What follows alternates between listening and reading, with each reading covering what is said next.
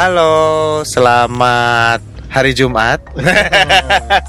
Kita kembali lagi di Random Jumat bersama saya Harnas. Dan saya Irfan Kartawirya Hari ini spesial karena besok adalah 17 Agustus Besok ya, mudah-mudahan tayangnya di masih di Agustus.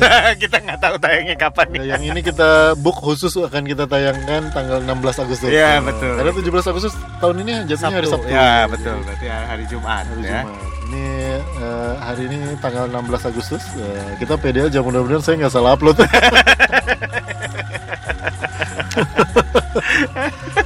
Pokoknya kalau salah-salah upload pokoknya gini deh Kita lagi mau ngomongin sesuatu yang mendekati 17 Agustus Ya, pokoknya sesuatu yang menghadapi kemerdekaan gitu kan. Tolong diterima niat Iya. baiknya lah gitu. Jangan dilihat nilainya lah. Lu apa sih? Berarti murah. Kita kasih mahal nggak pernah ngomong gitu Iya, soalnya. iya, karena orang ngomong kayak gitu tuh Jangan pasti- dilihat dari nilainya berarti murah. Karena kalau yang kalau ngasih barang mahal nggak pernah ngomong. Gak pernah ngomong apa-apa. Oke. Oke. Sekarang idenya apa nih Van buat 17 Jadi gini, Agustus, ini kan eh, kita random Jumat ini ngobrolin tentang hal-hal random ya yang di-generate oleh eh, berbagai sumber gitu. Iya. Ada dari website, dari majalah, dari koran, dari mana kita main tunjuk aja gitu terus itulah yang kita bahas. Ini beneran random by the way ya kalau kalian lihat kami eh, membuat podcast ini ini beneran waktu kita ketemu mau mulai itu kita nggak tahu mau ngomongin Iya, apa. tahu. Jadi idenya gini, gue akan buka eh, karena ini 17 Agustus, gue akan buka Wikipedia dengan keyword 17 Agustus. Nah, Nah, sip, good idea. Biasanya di Wikipedia kalau kita tulis sebuah tanggal, di situ ada peristiwa-peristiwa yang terjadi di tanggal itu Ya. di berbagai tahun. Ya. Nah, oke gue buka dulu ya. Oke, buka dulu. Yang 17 bahasa Inggris ya. Agustus, iya, oh iya, Oke, ah, bahasa iya, Inggris. Lah. Ah. Oke, 17 Oke, 17 Agustus udah kebuka nih. Oh, kebuka event, events, ya? events, ya. Oke. Events. Berarti Hmm, events Event. itu sekarang gua kasih lu yang pilih tahunnya deh. Mau tahun berapa? Kelahiran gua, Rifan. Tahun kelahiran Harnas 1825. bukan ya? Bukan, 1987. Itu juga bukan. anda jangan berbohong Anda. Oke, Oke. udah Silakan dicek sendiri di Silakan Wikipedia. sendiri di Wikipedia kalau Tapi- mau tahu saya tahun berapa lahirnya ya. Tapi itu kata-katanya adalah the Soviet icebreaker Arctica becomes the first surface ship to reach the North Pole. Oh. Jadi kapal Uni Soviet ya yang namanya Arctica, Arctica, ya. itu eh, Arctica ya bukan Kartika adalah kapal permukaan pertama yang mencapai kutub utara. Oh, oke oke. Gue ngebayangin kenapa ditulis kapal permukaan ya nggak mungkin juga kapal selam tuh ke kutub utara Mungkin itu kan beku bawahnya dia mau Enggak nyelam dong. Lo air kan atasnya doang yang beku, Man. Bawahnya Bawahnya. enggak ya? Kalau enggak ikan hidupnya gimana? Oh iya. Itu pertanyaan gue waktu gue winter pertama kali di Austria melihat sungai beku orang pada main ski. Terus gue bilang itu ikan mati nggak? Terus gue diketawain hidup dong kan bawahnya cair katanya. Oh iya juga. Ikannya di bawah itu eh, Hidup. frozen. Enggak hidup hidup Ikannya- frozen tapi hidup. Bukan nggak frozen sih. Iya, nggak Maksudnya airnya masih mengalir tapi hidup gitu. Dan itu eh, apa namanya? Hidup pak di bawah pakai jaket, Ya ngerokok ya dingin euy. pakai sarung gitu. Sarung gitu. sambil ngopi kapal api. Ini Ikannya orang Majalaya. Oke, kita akan bahas Arktika ya menuju. Jadi kita, Kita bahasnya satu kalimat ya, udah satu kata ya. dah kita ngomongin The tentang Soviet icebreaker Arktika becomes the first surface ship to reach the North Pole. Nah, Mungkin ke karena Soviet utara. ini eh, dulu waktu kecil ya, gua sempet ngumpulin foto-foto kapal pemecah es. Oh, Nah, iya, ini kayaknya, iya, kayaknya iya, bener, keren bener. gitu ya. bener bener. Icebreaker gitu. Kalau sekarang MC yang butuh Oh, icebreaker ya. oh, Kalau dulu kayaknya kapal, Kapal, icebreaker kapal terus ada es. beberapa film kan yang Mhm. ini pasti kapal kayak gitu nih maksudnya Iya, iya. surface kan. Iya. Kalau lu mau mencapai ke kutub utara kan pasti Menembus banyak ini, esnya. menembus dia eh, harus lautan menembus es. lautan es kan gitu. Jadi kapal dengan desain khusus yang bisa mecahin es gitu. Iya. Terus Depannya ada ada kaitan ganjol gitu enggak bukan Itu kayak tukang- kapal menyamai karung beras. kayak kayak tukang es balok dia ini. Mamang-mamang es balok kalau bawa apa esnya ditaruh di motor itu. Iya. Nah, pertanyaan gue adalah kenapa dia ke kutub utara kan? Buat Iya apa ya, sih? Buat apa ya? Lu ya invest kapal jutaan dolar buat apa? Gue mau ke kutub utara. Iya. Ngapain coba? Hmm. Di sono kan ya? kalau mau adem-ademan doang Soviet kurang Soviet kurang Rusia dingin lah gimana ya. gitu Iya kan Rusia ya. sekarang Rusia ya sekarang Rusia gitu Rusia kurang dingin gimana gitu kan ngapain jauh-jauh ke kutub utara gitu ya Iya. Orang tuh suka gitu ya kalau kalau ekspedisi sains atau ekspedisi eksplorasi gitu katanya ya gitu ya suka nanya gitu ngapain? Pertanyaan sama kenapa kita ke bulan? gitu kan ngapain ke bulan, jauh-jauh ngapain ke bulan? kan, gitu, jauh-jauh ke bulan gitu. Iya. 50 tahun yang lalu loh sekarang. Oh iya tahun ini adalah tahun ini 50 tahun yang lalu dan kita nggak pernah ke bulan lagi. Bulan Sekali Juli ya. doang. sekali doang waktu itu. Eh, Juli ya Juli ya. eh, Ju- nggak sekali doang sih ya satu seri lah waktu itu tapi di dek- tahun yang deket-deketan gitu di Oh. periode yang emang selain yang pertama ada lagi yang sampai Apollo 15 kalau gua nggak salah. Itu mendarat di bulan mendarat apa? di bulan. Oh mendarat juga? Mendarat oh bulan. pikir cuma sekali 11 doang. Nah, jadi ya memang ya itu pertanyaannya oh ke kutub utara ngapain ya? Ke bulan ngapain gitu? Orang kalau bahkan pertanyaan yang sama kalau gue tanya gitu lu ngapain sih? Kalau lihat teman-teman lu yang mendaki gunung. Iya. Lu ngapain sih naik gunung ntar kan juga turun lagi. Iya. Ya iya turun lagi kalau enggak bikin KTP pindah ke sana. Iya. Gitu. Tapi kadang-kadang menurut gua ya peraturan pertanyaan-pertanyaan gitu tuh yang bikin kita nggak bisa maju tuh nggak? Iya. Ya kita ini ya. Kalau eksplorasi sains harus jangan dipikir. nanya gitu. Nah, kita harus pikirnya kebalik. Kalau tahun segitu aja yang belum terlalu lama karena umur gua belum terlalu tua gitu ya Rusia sudah bisa kirim kapalnya ke, ke kutub utara. Iya. sekarang kita bisa bikin kapal yang kes- melakukan hal yang sama Sana nggak? lagi harusnya sekarang bisa udah harusnya udah yang keberapa kali kita Harusnya udah yang berapa kali gitu kan karena katakanlah kita sebagai negara maritim apa kita kapalnya ngelilingi Iya. dunia kek atau Iya. apa kek gitu jadi Indonesia itu harus bisa keluar di eventsnya Wikipedia. Oh, iya. kalau Oh, kita milih presiden wah semua orang juga milih gak bakal Iya. masuk gitu. Bener. Tapi kayaknya milih presidennya susah banget gitu ya. Berbulan-bulan ributnya gitu. Sementara ya kepilih bagus lah itu Iya. gimana? Sebelah juga kepilih semua gitu. semua, semua negara lain juga pada milih kalau gitu. kita nggak melakukan itu maka nggak ada orang yang bisa kenal Indonesia gitu. Sekarang rata-rata orang taunya Indonesia itu juara bulu Bulu tangkis. tangkis Oh. Well, itu pun sekarang udah jarang gitu kan. Tapi Oh, sekarang lagi lagi sering lagi sekarang lagi sering lagi ya sekarang lagi sering lagi. Tapi kayaknya belum menandingi zaman zaman Rudi Hartono dulu Iya. di mana gue ketemu orang di Perancis di Austria semua orang ayo badminton ya? Iya, gitu langsung oke. ih bangga juga loh Iya, gitu kan? iya. eh bener juga ya gitu. Ngapain sih lu menangin badminton? Kan gitu kan? Iya, iya. kadang-kadang orang sekarang kan berpikirnya begitu ngapain sih eh, eh, pelat ngelatih atlet Mhm. biayanya sekian triliun gitu kan? Hmm. Untuk supaya menang gitu. Buat apa? gitu tapi menurut gua mah buat apa itu yang membuat kita nggak maju Iya, sebenarnya sih ya itu kalau gue bilang kalau tadi eksplorasi sains, eksplorasi uh, macam-macam lah gitu ya. Hmm. Itu emang jangan nanya buat apa gitu.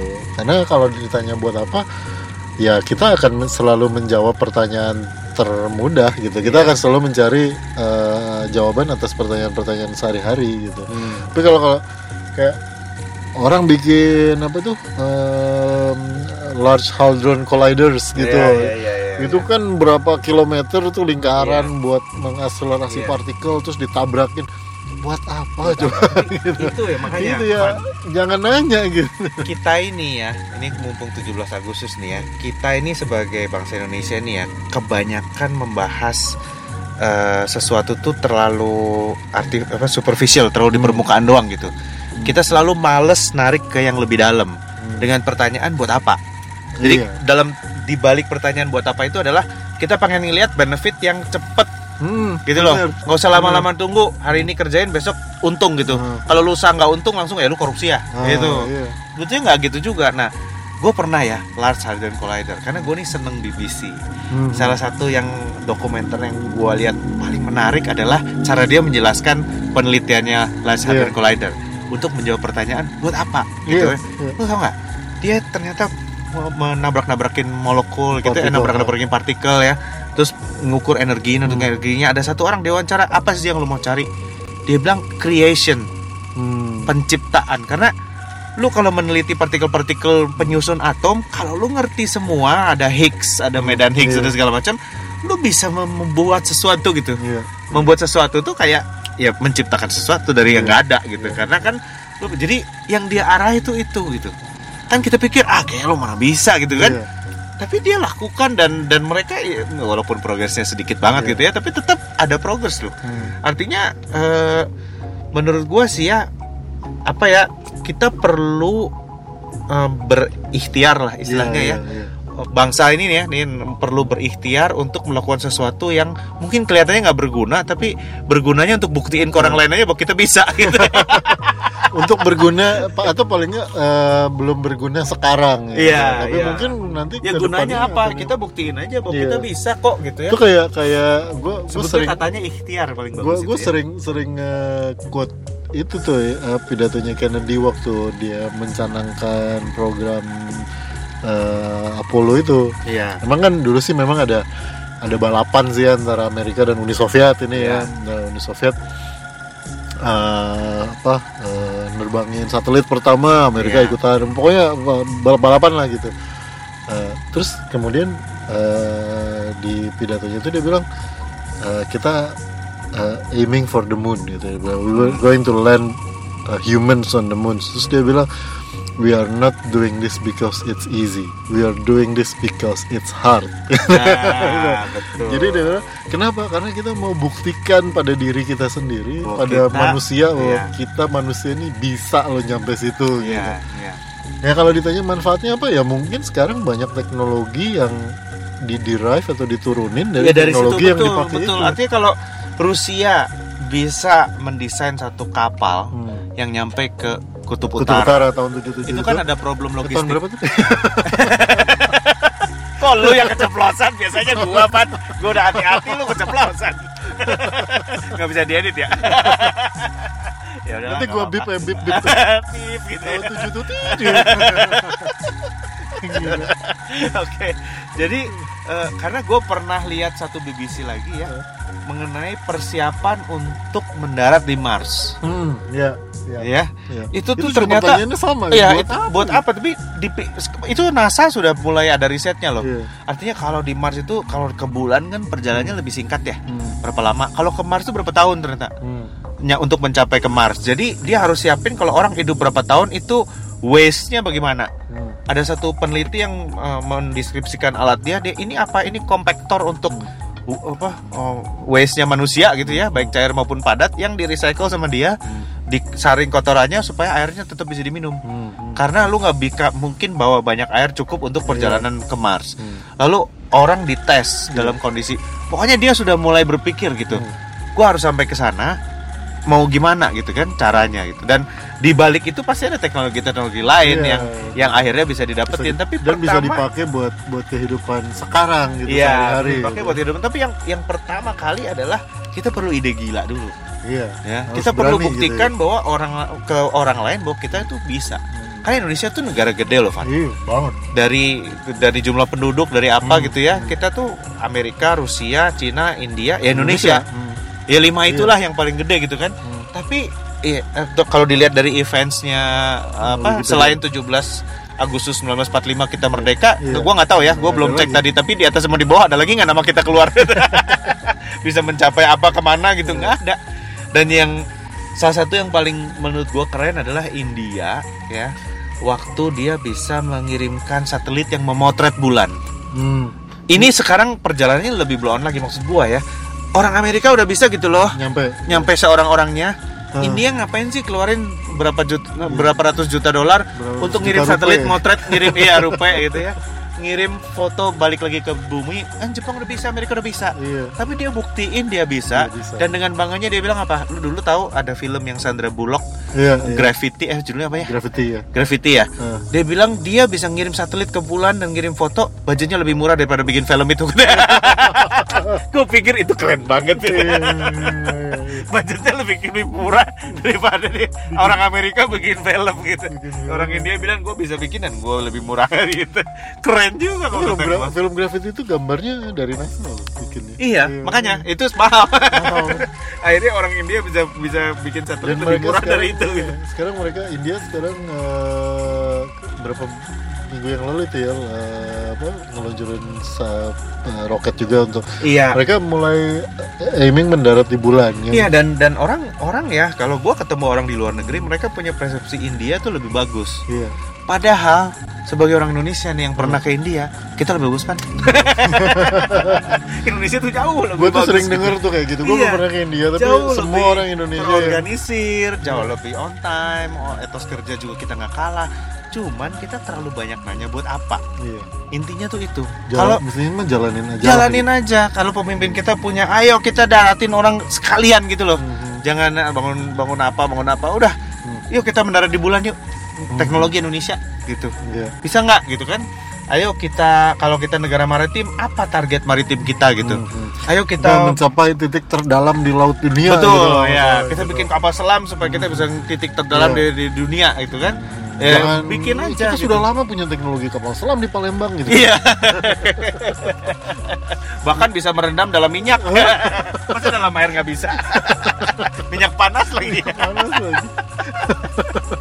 Makanya itu ya apa namanya? eh, itulah yang ya kadang-kadang kadang dibilang apa ya project mercusuar gitu ya project project pencitraan lah kalau pakai Iya. bahasa sekarang tapi kadang-kadang project-project kayak gitu tuh tujuannya memang bukan ya gitu loh mungkin suzon ya apa berburuk sangka aja gitu kita kalau ada oh kita bikin ini wah itu mah biar lu dikenang biar ini gitu enggak sih ada yang lebih gede dari itu Iya. karena project-project kayak gitu mungkin ah- baru akan selesai setelah penggagasnya nggak ada Oh iya bahkan iya.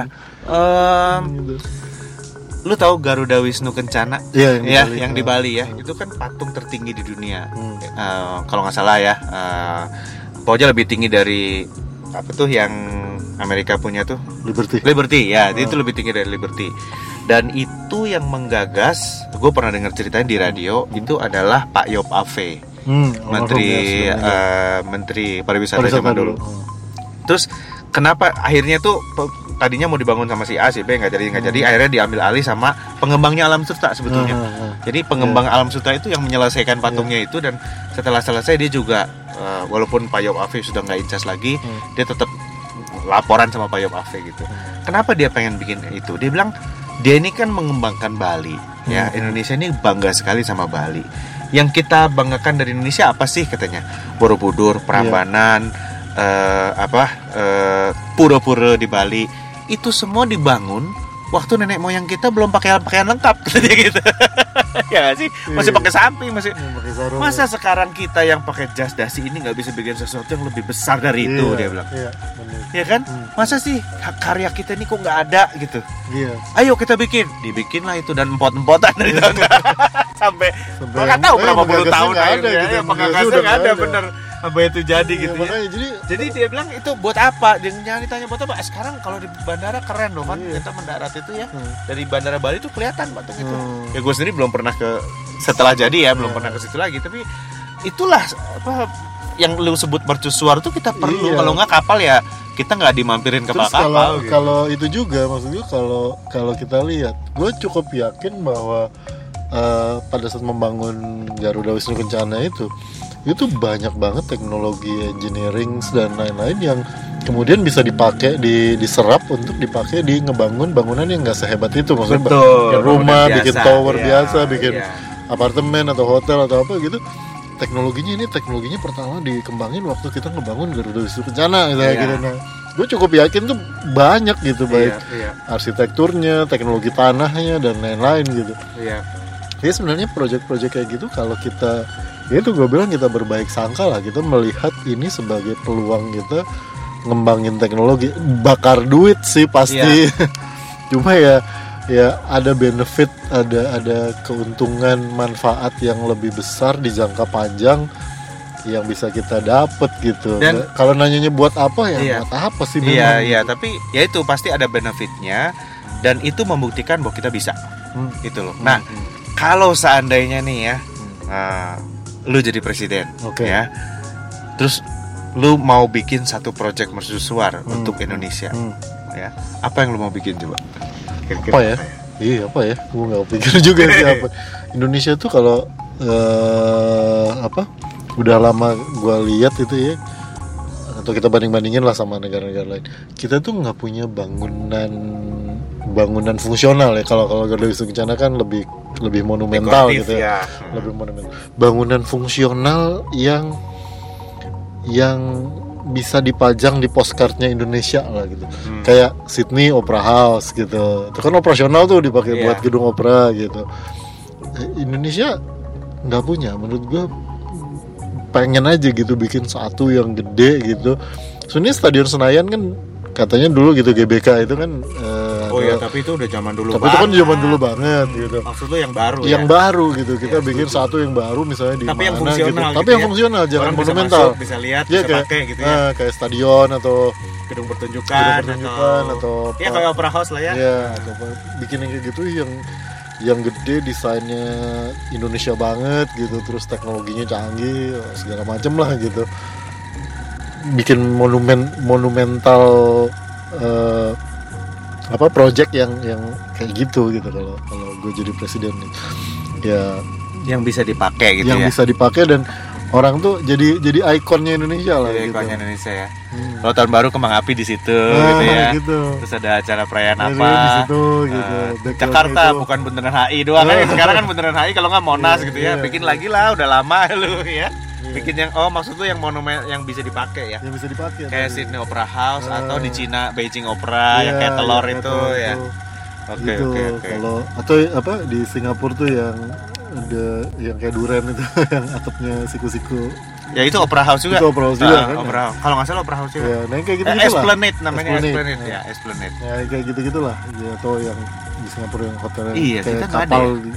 nyangkut di atap itu Marina Bay Sands ya. Eh, kita nggak ada ya kayak gitu ya. kita kan nggak ada bangunan atau ya bangunan yang cukup masif gitu besar yang fungsional yang ikonik gitu Iya. seingat gue sih se- sepengetahuan gue sih nggak ada ya udah lama nggak ada kalau dibilang Masjid Istiqlal itu masjid terbesar di Asia Itu- Tenggara dulu ya dulu lama. sekarang udah Ah, enggak sekarang gitu udah enggak. Stadion GBK juga terbesar di Asia Tenggara ya dulu gitu sekarang Iya. sama Birds Nest atau Cina Asia.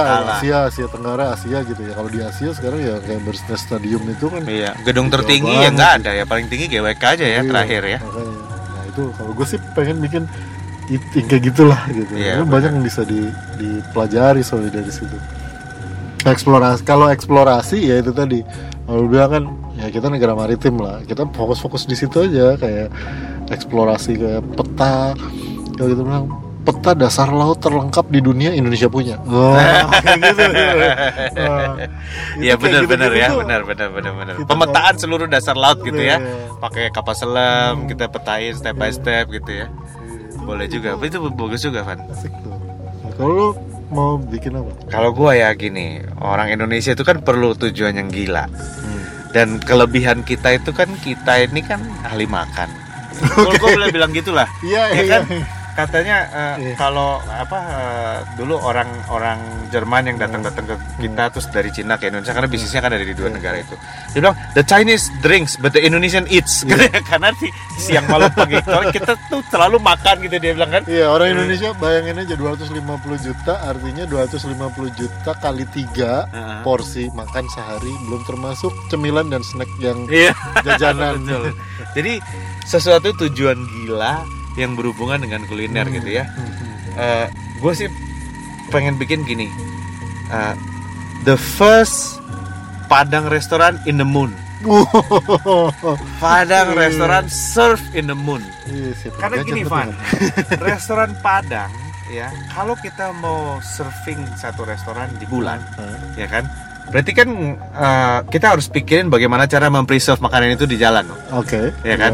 Udah nggak mungkin makanan Padang itu kan diangkat-angkatin terus jadi Ah. dia harusnya awet lah ya teknologi apa yang membuat dia bisa dikeringkan disimpan Hmm, hmm. sehingga di sana bisa di dibasahin lagi terus di serve gitu. Hmm. Siapa tahu suatu saat kita punya station di luar angkasa Iya, iya. atau International Space Station bosen makan Hmm. kacang hijau terus. Gitu ya. Sekarang dia makannya apa nggak tahu lah gitu ya. Hmm. Bosen makan omelet terus gitu kan. Hmm. Kita kan bisa serve di sana gitu. Iya. Kalau kita bisa buktikan sama dunia bahwa kita bisa buka restoran Iya. ya dengan segala teknologinya di bulan berarti kita perlu ruangan khusus Hmm. yang dikasih tekanan kan dikasih udara terus di situ ada pemanasan ya kan? Iya. terus di serve dalam keadaan panas gitu. Jadi kita mungkin tunggu India membangun koloni di bulan, nah, kita yang bikin restoran.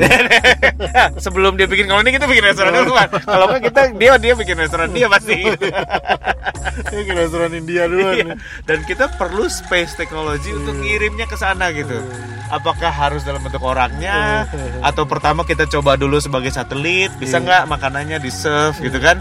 Terus kita baru coba lagi di bulan. Karena kalau gue lihat makanan-makanan yang ya lu ke Mars tiga tahun lu makan kapsul nggak mungkin lah. Iya. segila kali gitu kan. Kalau menurut gue sih gabungan antara space technology dengan culinary technology yang ujung-ujungnya mungkin bisa dipakai di di tempat lain juga. Dan kita ahlinya. Kalau kalau soal ngangetin makanan kita ahlinya ya kan? Kalau kita mau teknologi penghangatan makanan yang tahan berbulan berhari-hari ya tanya orang Padang lah. Gue gue sempet sempet mikir tuh har bahwa misalnya koloni Mars nanti mungkin kalau koloni bulan mungkin nggak terlalu menarik ya eksplorasi Iya. sekarang kan koloni Mars gitu. Gue bilang apa kontribusi Indonesia untuk koloni Mars? Menurut gue ya itu salah satunya di bidang makanan itu Betul. gitu. Karena menurut gue salah satu sumber protein terbaik di terbaik termurah tercepat salah satunya di dunia adalah ikan lele gitu. jadi yang kontribusi kita adalah eh, miara lele di Mars gitu. Karena orang Indonesia itu tahu cara ngegetok lele yang bener.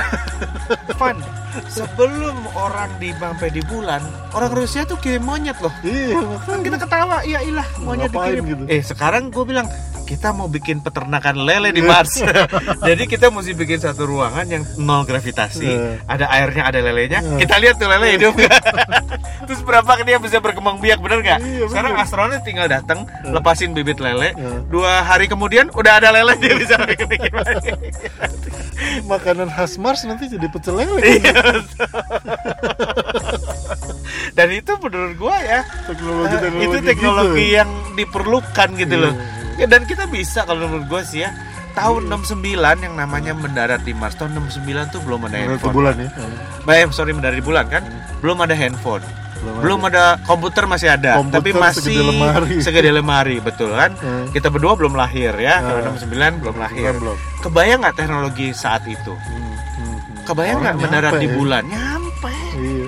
gitu loh Hmm. kenapa sekarang eh, se- sekarang pun nggak bisa terulang lagi kan gitu kan Iya, belum, tapi belum. dulu bisa karena ada satu orang yaitu Kennedy yang yang bilang bahwa kita ke bulan gitu kan Ah, ah, ya terus bener. kita dia ke bulan sampai sekarang kita kalau lihat orang Amerika hebat padahal Iya. ke bulannya udah lama Iya, ini kayak Ya kan? kayak kita beli barang Amerika lebih mahal daripada barang orang lain kenapa Eh, kita kan pernah ke bulan ke Iya. bulannya udah lama dan udah nggak pernah ke sana lagi gitu kan tapi benefitnya masih kerasa sama sekarang Iya, bener. kita gemeter lihat orang Amerika gitu kan Hmm. eh lu udah pernah ke bulan gue belum ya Hmm, gitu kan lu punya teknologi gua enggak eh gitu kan? Hmm. nah sekarang negara-negara lain seperti Cina India berlomba-lomba tuh. Gua mesti ke bulan. Nah kita buka restoran Fadil bayangin dia kalau bisa Indonesia bisa buka the first plate served in the moon gitu kan. Terus dia makan tek tek tek. Habis itu pulang lagi lah. Dan ya gitu kan. Dan kita kan bisa bilang gitu dan selama bulan puasa tutup di bulan jangan lupa Tutupnya berapa lama? Satu bulan. satu bulan kenapa emang gitu nggak tahu ya padang gimana gitu Oh, padang gitu. emang gitu udah kita tutup biar dunia tahu bahwa restoran padang ini memang tutup kalau bulan puasa gitu di Iya. bulan pun tutup gitu ya Ini obrolan mimpi-mimpi kita tentang Indonesia ya sebenarnya karena eh, menjelang 17 Agustus tuh Iya. kita suka pengen lihat mimpi-mimpi besar ya. Satu hal yang yang yang jarang dibahas di banyak obrolan tentang kemerdekaan Indonesia adalah eh, mimpi-mimpi besar gitu. Kita tuh mikirnya kekecilan Iya gitu betul, ya. kita mikir Mikirnya jauh kekecilan, kekecilan. gitu, terlalu remeh-temeh hal-hal kecil gitu. Sehingga kita kelihatannya nggak ada achievementnya Iya, gitu. makanya eh 17 Agustus ini ayo share lah kira-kira punya ide-ide gede apa yang Betul. gede- mustahil nggak apa-apa kayak atau bahkan Bukan mustahil, Van. sekarang mungkin Ya, kedengaran sekarang mungkin mustahil Kedengaran mustahil, atau belum tentu iya, mustahil gitu atau ya. atau ide-ide yang kemudian men-trigger orang untuk bertanya buat apa gitu. Kayak gini, kalau Jangan- buka restoran Padang di bulan itu mungkin. Kalau di matahari nggak Nah. mungkin. kita bisa bilang itu mustahil gitu. Karena kalau di matahari itu bukannya toko baju. Atau tas sepatu. Jadi silakan eh, teman-teman pendengar Random Jumet berbagilah ide-ide Iya. besarnya kira-kira Indonesia ini harus ngapain sih ke depan biar jangan yang remeh-remeh terus gitu dan Iya. kita juga punya sesuatu kontribusi untuk kalau istilah profesor gue dulu katanya pikirkan selalu dalam pikiran anda itu apa kontribusi anda untuk peradaban dunia. Iya, cakep. Cakep. Padahal bukan pantun itu, tapi kita cakep. Ini obrolan random Jumat dalam rangka memperingati kemerdekaan Indonesia 17 Agustus. Meskipun tidak kita ngobrolinnya tentang kapal Uni Soviet yang mencapai kutub utara ini. Iya, dan kita berusaha menempatkan restoran Padang pertama di bulan. Gua dukung lah gitu. Oke, sampai ketemu di random Jumat berikutnya dengan obrolan yang tetap random, tetap bersama saya Irfan Kartawirya. Dan saya Harnas, Sampai ketemu, Merdeka. Merdeka.